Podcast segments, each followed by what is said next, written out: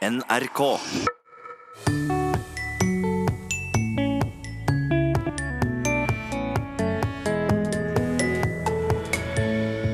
Språkteigens lille latinskole er på farten i sommer, og i dag holder vi oss rundt Middelhavet. Og romerne kalte dette for Mare Nostrum.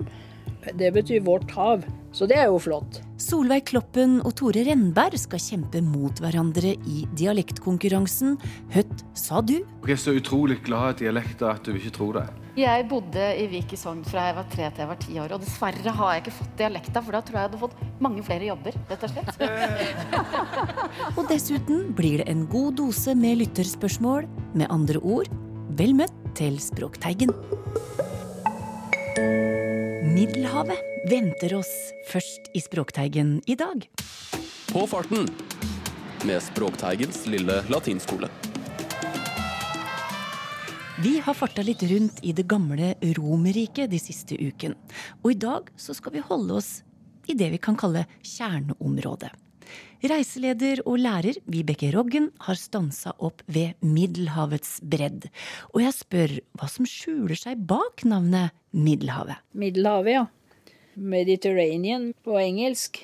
Og eh, latin mediterraneus. Av eh, medius, som betyr midtre, og terra, som betyr land. Og det er et adjektiv da eh, som har med innlandet å gjøre. Midt i landet. Og det er jo litt rart, da. Ja. Ja.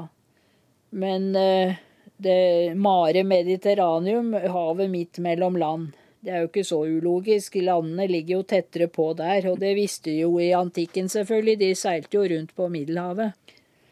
Og romerne kalte dette for Mare Nostrum. De erobret området rundt hele Middelhavet etter hvert. Hva betyr det, da? Det betyr vårt hav. Så det er jo flott. Men eh, Middelhavet er jo et fantastisk sted å slå seg til en liten stund, eh, Vibeke. Det er ikke så verst der, nei. Kanskje vi skal gjøre det? Ja, Ja. Jeg skal det. Ja, vi kan finne oss en plass i skyggen, vet du, og så kan du fortelle mer. Og når vi farter rundt i det gamle Romerriket, så må vi jo høre litt om stedsnavnet Italia. Ja, det må vi jo. Ja. Og det, det landsnavnet er eh, belagt eh, Ja, vi kan jo først begynne med å si at eh, Italias samling skjedde jo sent på 1800-tallet. Så tidligere var det bystater, og Romerriket var ikke det samme som Italia heller. Men det, i forestillingen eksisterte det et Italia, men den forestillingen omfattet nok ikke hele dagens Italia, ikke så langt nord som grensen går i dag. For det nordligste Italia regnet de som en del av Gallia. De kalte Gallia Kiss Alpina, det, Gallia på denne siden av Alpene. Og det andre Gallia var da Gallia Transalpina på den andre siden av Alpene. Eh, landsnavnet Italia eh, har jeg funnet belagt først hos Cato den eldre, som levde fra 234 til 149 før Kristus. Det var han som pleide å avslutte talene sine, heter anekdoten, heter i anekdoten, med for øvrig mener jeg at Kartago bør ødelegges. Og det skjedde da tre år etter hans død. Ja. Eh, Men sin eh, Han skrev en Italias historie, og der eh, forekommer ordet Italia. Landsnavnet Italia. Men det fins også i romernes nasjonalepos Eneiden, skrevet av dikteren Vergil, som levde langt senere, fra 70 til 19 før Kristus. Og det har da helten Aeneas. Et epos skal jo ha en helt, det skal ha reise, det skal ha krig, og det skal være skrevet på heksametere. Sånn som, eh, sånn som Vinje dikter i 'Ennå en gang fikk eg vetteren å sjå for våren og røma'. Sånn skal det være. Så da kan vi ta begynnelsen av Eneiden. Arma virumque cano vi primus ab oris italian fato profugos laviniaque venit litora. De første ordene, arma virumkve kano, kano, jeg synger.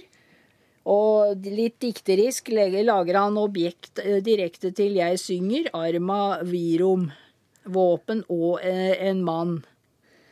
Og så fortsetter han med som først kom eh, fra Trojas kyster. Dette var jo etter Troja-krigen, hvor Troja var blitt ødelagt av grekerne. Så denne mannen som eh, først kom fra Troja til Italia, Italiam, og Lavinia Litora, og de lavinske strendene. Så det var da et, et område av uh, Italia. Fato profugos, flyktning ifølge skjebnen, eller flyktning fra skjebnen. Det er vel heller en flyktning ifølge sin skjebne. Så der klarte Vergil uh, det kunststykket å, å etablere romerne som et folkeslag Eh, som ikke hadde bakgrunn i grekerne, men som hadde bakgrunn i grekernes eh, motstandere i den eh, mytiske krigen. Kanskje mytisk, kanskje litt historisk. Samtidig som han laget et politisk korrekt dikt under keiser Augustus' periode. Så da har vi litt om bakgrunnen for Italia. Ja. Syns vi skal ta en svipptur til Hellas. Det er så fint der om sommeren. Det er veldig fint der. Ja, ja. Da drar vi til Hellas. Ja. Også det underlige med at eh, vi drar til Hellas, men vi snakker om grekere. Ja, er ikke det litt inkonsekvent? Jo. Men vi er så internasjonale, vi er så opptatt av de klassiske språkene, så her måtte vi få med begge, ikke sant? For Hellas er det grekernes eget navn på sitt land, mens eh, grekere, det kommer av romernes eh, navn på, på grekerne og, og Hellas. Graikia kalte romerne landet.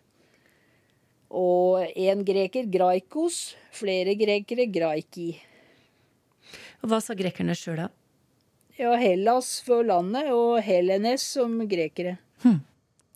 Jeg skulle gjerne blitt i Hellas, men forlater Vibeke Roggen, første amanuensis i latin ved Universitetet i Oslo, her. Neste uke drar vi ut på nye reisemål.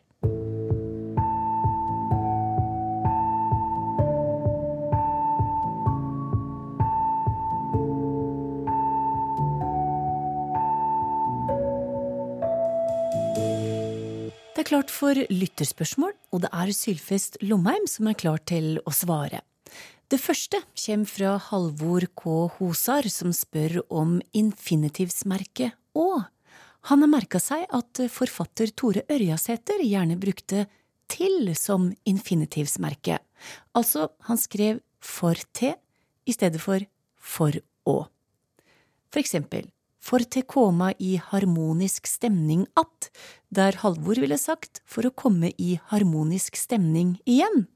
Kjenner noen til denne konstruksjonen, spør han. Og da er både han Halvor og du, Torunn, kommet til rett person. Ja. Fordi at uh, denne forfatteren her, han er sjølsagt ifra Gudbrandsdalsområdet opp mot Jotunheimen. Og hvis du stuper ned fra Jotunheimen, på vestsida så kommer du til Indre Sogn, og der er jeg ifra. Mm -hmm. Så jeg kjenner godt til dette her i min dialekt. Vi bruker T for å, for til å komme i stemning. Sjølsagt.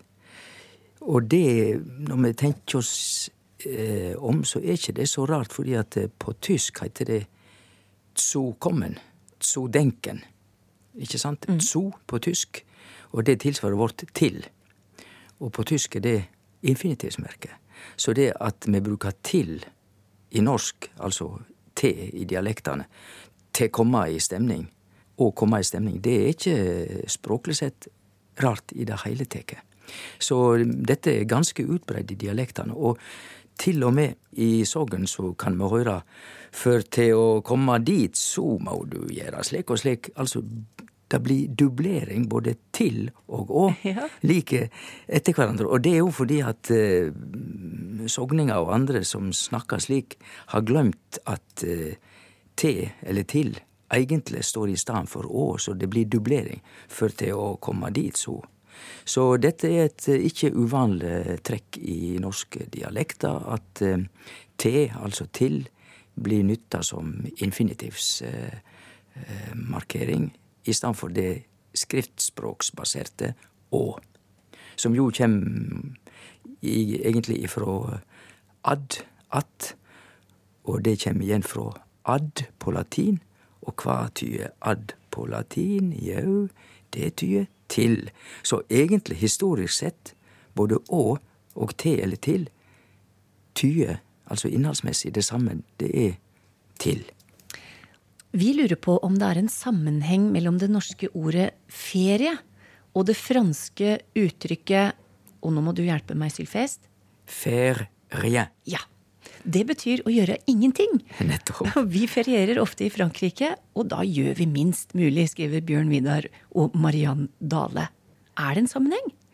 Til Bjørn Vidar og Marianne så må jeg si at dette er et veldig nydelig spørsmål. Ferie, er det rett og slett et uttrykk som betyr å ikke gjøre noen ting, siden det på fransk heter ferie, Ja. og det betyr å ikke gjøre noen ting. Svaret er at det finnes absolutt ingen sammenheng mellom de to uttrykka. Eh, ferie kommer rett og slett fra et ord på latin, og dette ferie er ordet på latin i flertall. Ferie, altså a-e, ferie. Og det vart for 2000 år sia i eh, det gamle Roma brukt om de religiøse festdagene. Og det er klart at når det var religiøse festdager, så hadde folk fri. Og det de har på fransk, forresten, er de jour ferie, altså feriedager. Og der har de òg den samme bruken som vi har i norsk ferie. For de jour ferie, det er altså eh, fridager, festdager, på fransk.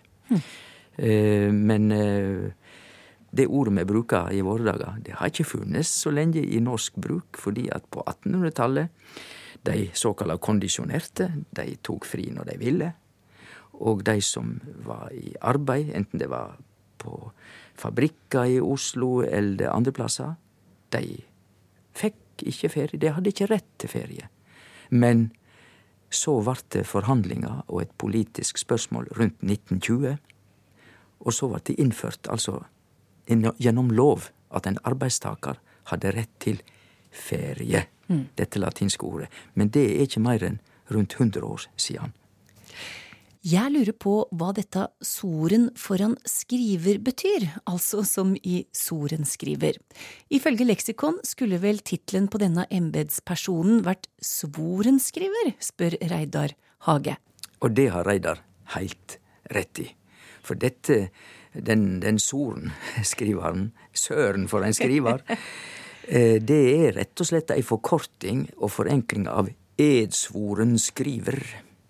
Og da skjønner vi at opphavet ligger i dansketida. Og dansketida var jo de 400 åra at eh, vårt land lå under København og kongen der og Danmark. Dette, den tittelen der, Edshorn skriver, vi veit nøyaktig når den ble etablert, Torunn. Det var i 1591. Ved kongelig brev ble dette etablert. Og det betyr, jeg husker det veldig godt, at i 19... Nei, ikke det, men jeg husker veldig godt i 1991. Da ble det markert. Det var jubileum. Det var 400-årsjubileum for sorenskriverne. I alle fall tittelen. For i starten var ikke dette I dag er jo sorenskriveren eh, en høgre funksjon i rettsvesenet vårt. Han er en regional dommer på, i tingrettene rundt om, og liksom han er konge i sitt vesle geografiske område omtrent, ikke sant, i, i domssystemet. Men eh, den funksjonen, at han sitter der og presiderer og egentlig bestemmer i rettslokalet, den er ikke opphavlig. Og da skal vi huske på hva dette kommer av. Edsvoren skriver. For eh, det kongelige brevet i 1591 oppretta denne stillinga for å ha en skriver når det var tvist, og når det var forhandlinger og rettssaker, som skulle skrive ned og sørge for at alt som skjedde, ble skrevet ordentlig ned. At det var til å stole på. Og den personen måtte takast i eid. Altså, han måtte sverja. Og derfor er det edsvoren skriver. Så det starta som en sk- skriverfunksjon, eh, stilling, og så har den stillinga gått opp og opp og opp, og nå er det sjølve den sentrale dommeren som styrer hele rettssaka. Men det er altså den seinere utviklinga som er gitt. Takk til deg, Sylfest Lomheim, og det blir flere lytterspørsmål i Språkteigen i dag.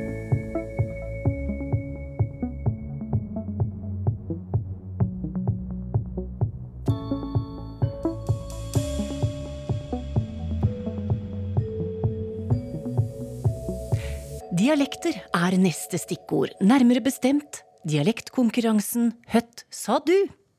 To lag kjemper om å være best på dialekt. Hvert lag består av en kulturpersonlighet og en ekspert. Lag A TV-programleder Solveig Kloppen og professor emeritus Martin Sjekkeland. Og lag B forfatter Tore Remberg og professor Britt Mælum. Dommer er Språkrådets direktør Åse Vettås, og Linda Eide holder styr på det hele. Velkommen, velkommen altså i eh, holdt på å si, sommervarmen til denne dialektkonkurransen. Dialekt er jo et ord vi henter fra gresk, så dialekt er helt gresk.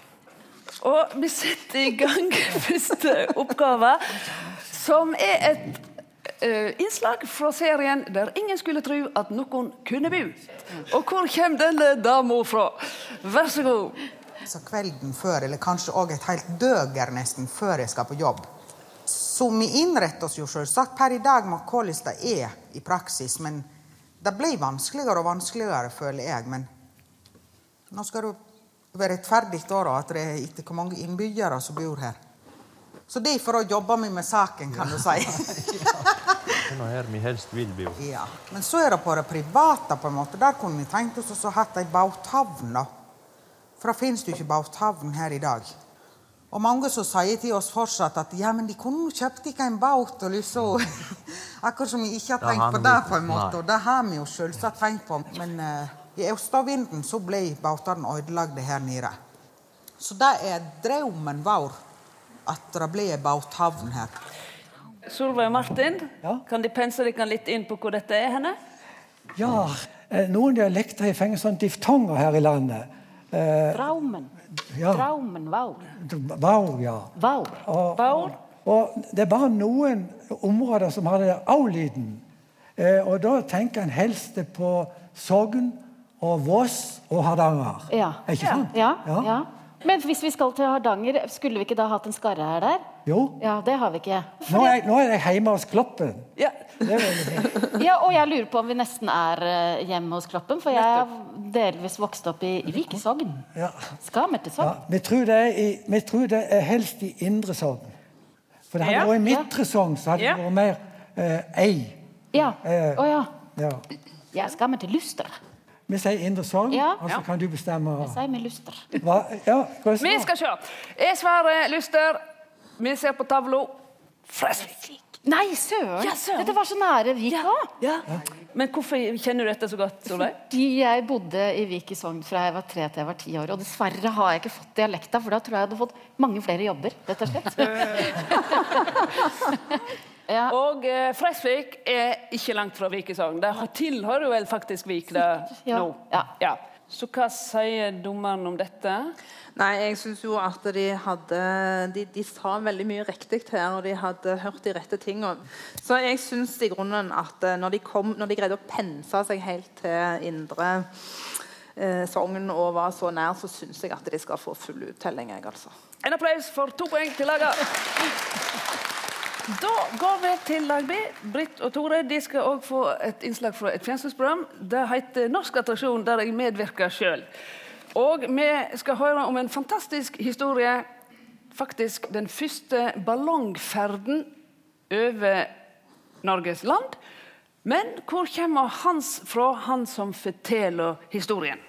På den tidas eh, astronauter nesten, vet du. Det var ikke vanlig det at folk eh, fløy i lufta så lange avstander. Franskmennene har ramla ned her i snøen. Akkurat her. Akkurat her, ja. Hva, hva gjør de da? Nei, de, eh, de sto her uten noen ting. De visste ikke hvor de var. De var, de var ikke kledd for dette terrenget her, vet du, og, temperaturen her oppe. Det var halvannen meter, det var to og en halv annen djup snø. Rollier, han var temmelig kjørt. Og, og når de gikk nedover, så, så svima han av nede her en plass. Ble liggende. Jeg har i grunnen eh, bestandig vært veldig interessert i den historien her. Å lese det jeg har kommet over ut, av slikt noe som har omhandla det her. Franskmennene vil nå prøve også, de prøver å by om penger. Gullpenger og sølvpenger og slikt, men det vil de ikke ha. Rollier han tar av seg ringen, og setter på fingeren til Harald. Og mener at den skal han ha. Det er fakta noe av det nærmeste en kommer Henninga, ja. Ja, Britt og Tore, skal vi øst, vest, nord eller sør? Vi skal, jeg tror vi skal til eh, Telemark. Ja. men det var ikke helt Vest-Telemark. De sa ikke, de har østnorsk tonefall, men så sier de ikke. Og så sa han sno. Men det var liksom ikke helt slik borti Vinje heller. Da har de tynne l-er. Hva sa du nå? Der har de I Vinje i Telemark så har de ikke tjukk el. Så, men der tror jeg han hadde så jeg, Ja, han hadde tjukk ja, Så han, eh, Derfor så ville jeg heller, heller øst i Telemark. Men lenger sør i Telemark, da ville de sagt noe annet igjen, eller så kan, Snirkler du deg inn av det du sa nå, eller? Ja, Det er jo lenger eh, Kanskje litt nord, ja, og ikke så langt sør i Telemark. For da er du nede ved kysten og nede ved, i Bamble og nede ved sjøen der. Så da blir det, det, det blir noe annet. Da blir det mer, like, eh, mer standard østnorsk. Hadde han ikke sånn en klikk, sånn som du har? Klikk? Det sånn en, du har så løyen måte å si slik på. Klikk. Slik? Ja, det har du. Jeg tenkte òg på Telemark, for jeg liker så godt han Odd Nordstoga. Og det var noe som lignet, men det var liksom noe flatere, dette. Noe, er noe nærmere Jeg er jo amatør, så jeg bare snakker fritt. Jeg er kunstner, jeg kan snakke fritt.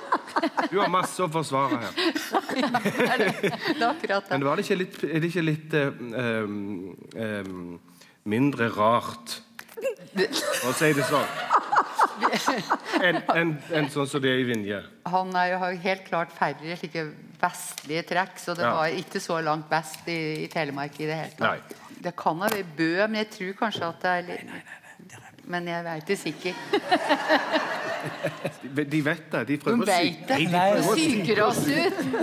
Nei, vi skal nord. Vi skal nordover. Jeg syns vi skal få poeng for den Øst-Telemarken. jeg også.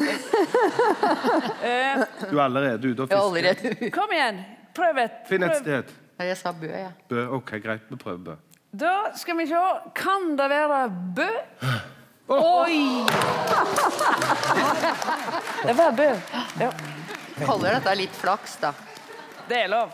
Det er likt, skulle jeg tro nå. Eller hva sier du, dommer? Ja da, jeg syns de var kjempeflinke. Britt var jo veldig inne på dette med at det er noen helt klare skillelinjer til Vest-Telemark. Det er dette med den tjukke L-en. Og, og en ting til. Han hadde retroflekser, og det har de heller ikke i Vest-Telemark. Han hadde hva for noe, sa du? Det er ikke en sykdom. Nei. Og det ikke, og det, og det er ikke noe som henger, så du Nei. eh, Hvis du, hvis du spør nabodama di om hun kan si f.eks. ert Ert. Ja. Og Lars. Ert. Det er to, Ja. lyder som, er to opprinnelig to lyder som vi Mens trekker jeg sier ert. Ja, Ja, og det gjør de i Vest-Telemark òg. Ert. Ja. Men i hvert fall Der fikk vi en retroflex. poeng. Ja. Det står altså 2-2 etter første runde i dialektkonkurransen Høtt sa du. Konkurransen er et samarbeid mellom Språkrådet og Nasjonalbiblioteket. Runde to kommer neste uke.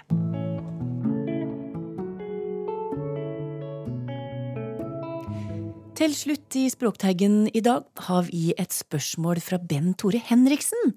Han lurer på hvor uttrykket 'å være raka blakk' kommer fra. Og hva betyr raka i denne sammenhengen? Og spørsmålet går til deg, Georg Kjøl. Det uttrykket er litt eh, vrient, eller i hvert fall den delen av uttrykket raka blakk, fordi eh, vi hører det nok oftest som raka fant. Og det dukker opp litt sånn her og der i språket, det er litt vanskelig å si eh, akkurat raka, hvor, eh, hvor den er hen. Så jeg foreslår egentlig at vi begynner med blakk, for det er litt, et litt enklere sted å starte når vi snakker om dette faste uttrykket. Og det er i eh, et eh, norrønt ord eh, som heter blakker, som betyr blekladen, eller lyshåret eller brungul, og som tidligere var brukt som farge, fargeord, som man kan kjenne igjen som hestenavn, som hadde en spesiell farge, altså blakken. Og vi kan spore betydningen også tilbake til nedertysk, og et ord som betød skinnende hvit, og det samme ordet som de som snakker italiensk eller eh, fransk eller spansk kan kjenne igjen som bianco eller blanc eller eh, blanco. Og der har vi også en vei til eh, den norske betydningen blank, altså uten innhold. Da har vi den delen av forklaringen. Man er, man er på en måte uten, uten noe som helst. Eh, Man er helt skrapt, kan man også si. Eh, Og man kan bruke skrapt som forsterkende ord i skrapeblakk. Men også, som jeg sa, det er nok en raka fant som er den mer vanlige varianten av dette uttrykket. Og eh, det er den som også er eldst på, på norsk. Den, eh, altså Varianten med raka blakk er nyere. Og vi finner skriftlige kilder på raka fant tilbake til 1850-tallet. Så eh, hvis vi skal fortsette å utsette å svare på spørsmålet ditt litt til, så kan vi ta fant også. For det er også morsomt, eh, en morsom eh, liten del av det norske språket. For det dukker opp mange steder. Men det er blitt en litt sånn eh, ja, det er blitt en fast, fast del av dette, dette uttrykket i forbindelse med, eh, med, å være pengelens. Da. Opprinnelig så kommer det fra et italiensk ord som betyr, som betyr, gutt, eller ung mann, eller tjener. Og så har det blitt til litt mer sånn nedlatende betegnelser for å snakke om omstreifere eller bostedsløsere, eller bare personer uh, av samfunnslag som man ikke ønsker å forholde seg til eller identifisere seg med. Og hvis man prøver å finne ut av, prøver å lete litt etter hvor dette dukker opp i norsk, så, så finner man igjen i en hel haug ulike uttrykk. Og det er brukt som et sånn veldig sånn produktivt siste ledd i, i, sammensetninger. Så man kan snakke om flyfant og fillefant og frifant, eh, som alle utnytter etter bokstavrimen på F. Så kan man kjenne igjen sånn i brillefant og busefant og byfant og eglefant og grisefant og jugefant og rakkerfant, er det noen som heter. Ranglefant, skarvefant, skøyerfant, styggfant, tyvefant, vinglefant. Eh, så det er, eh, det er ganske, ganske, tilstedeværende i norske, norske språket opp igjennom. Det er ikke alle disse, disse ordene som er eh, veldig, veldig, vanlige nå, men vi finner igjen i, i to veldig vanlige norske ord også. Kranglefant er det mange som snakker om, og det er jo samme, samme betydningen. Eh, og hvis man kanaliserer sin indre femåring, så kan man også hente fram eh, tissefant, som også er blitt et veldig vanlig, vanlig ord. Ulikt mange av disse andre, andre sammenstillingene. Da. Men nå tror jeg du har utsatt spørsmålet lenge nok, Georg. Ja, men det, Problemet er jo at vi ikke har noe godt svar på det. Så, så uh, det eneste jeg kan egentlig si, er at vi vet ikke helt. Uh, men uh, Tor Guttu, som er leksikograf Eh, ordbokredaktør som sier at det er mul muligvis en adjektivdannelse eh, av, av vrak, som betyr skrap, eh, eller dyreskrått eller utsultet dyr. Også på et eller annet tidspunkt har vært brukt som et forsterkende ord, litt på samme måte som skrapeblakk. Så hadde man da raka blakk som et rent sånn forsterkende ledd som egentlig hadde mistet litt den opprinnelige betydningen av denne forbindelsen til, til dyre, dyreskrått. Vi, vi, ser det også i uh, vrakgods, i betydningen altså rak om, uh, om vrakgods og avfall. Kanskje mer i varianten vrak, som uh, har blitt påvirket av et annet eller av et middelnedertysk ord, som vi også kan finne igjen i, i det engelske wreck. Så, så, det er noen sånne spor av, spor av dette her i, i, språket. Det er ikke helt isolert, men Eh, det, er blitt, det har ikke slått an som en sånn superforsterkende ord i, i, moderne norsk. og Dermed så er det, litt, er det litt sånn for seg selv, og den forbindelsen er litt grann uklar. Så du sier egentlig at eh, den forsterkeren slo aldri an, så i dag ville vi kanskje heller sagt eh, sykt blakk? Ja, sykt, sinnssykt blakk, ja. eller, noe, eller, noe, tilsvarende. Ja, så en av mange forsterkende ord som som bare, bare, forsvant litt, og som vi bare kan se spor av i disse, disse få uttrykkene her. Takk til deg, Georg Kjøll. Språkteigen er tilbake om ei uke. Takk for i dag.